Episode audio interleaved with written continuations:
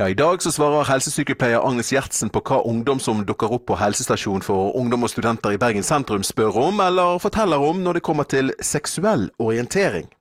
De som jeg har kjent, som har kommet ut da, av menn, så har det, har det tatt litt lengre tid enn det tar med jenter. Og så er det ofte en sånn liten De stopper sånn inn i midten og er biseksuelle, og så kommer de helt ut. Hva er det unge lurer på når det kommer til spørsmålet om eh, de liker gutter eller om de liker jenter? Ja, Det handler jo om at normalt sett så liksom Det, det normale er at gutt liker jente og, og jente liker gutt. Men nå vet vi jo at det er en åpenhet i samfunnet som gjør at man kan få lov til å ha de følelsene. Du kan, du kan like gutt og jente, og, eller du kan som gutt bare like gutt, eller jente like jente. Det er helt greit. De er usikre fordi at de er oppdratt i en tradisjon hvor gutt skal like jente omvendt. Men så kjenner de kanskje på følelser også for det samme kjønn, og det tenker jeg er helt greit i vårt samfunn i dag. Har man et, et homofilt forhold, så må man jo tenke litt på man Hvordan skal man teste seg bl.a. For, for seksuelt overførbar infeksjon? Så vi her spør alltid om hvilken seksuell orientering de har når de kommer for å teste seg.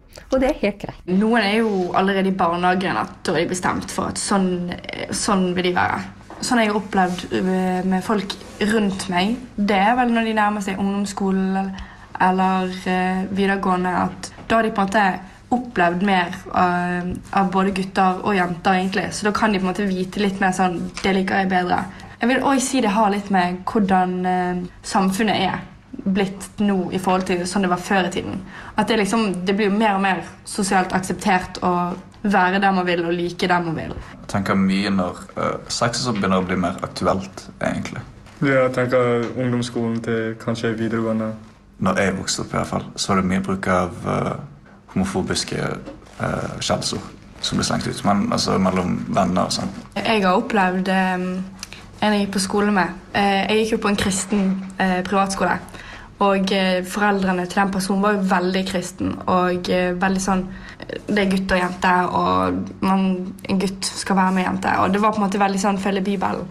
Han opplevde på en måte at eh, det var veldig vanskelig å komme ut til de eh, og fortelle de at han ikke likte motsatt kjønn. på en måte. Jeg vil tro at Hvis du har veldig strenge foreldre og du vet at de ikke kommer til å akseptere det, så vil det være mye vanskeligere for den personen å faktisk komme ut med det. da. Og når det kommer til å, å stille spørsmålstegn med hvordan det er å ha sex med sitt eget kjønn, hva er det tanker de lufter da?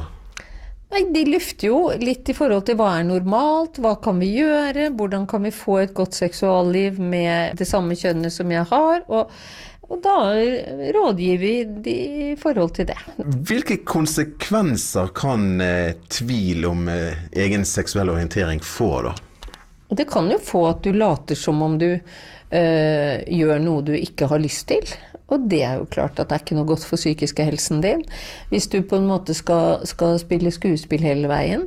Så det der å vokse opp i et åpent forhold hjemme, hvor barn og ungdom øh, føler at de kan komme til foreldre, eller til hvert fall voksne som de stoler på, og lure på ting er kjempeviktig. Jeg vil si at Det er mange forskjellige konsekvenser. Man blir mer usikker på seg sjøl. Man kan gjøre noe man egentlig ikke vil. og Hvis du må tvinge deg sjøl til å være med en jente fordi det er det som er sosialt akseptert, eller det er det du på en måte du må være da, altså Jeg syns det på en måte blir bare feil. Altså Jeg vil bare si at det er bare til å drite i hva andre tenker. Så hva er din anbefaling til de som er litt usikre på om de liker gutter eller liker jenter? Hvis de kjenner på at det er et eh, problem, så eh, gå og snakk med noen. Skolehelsetjenesten, helsestasjon for ungdom.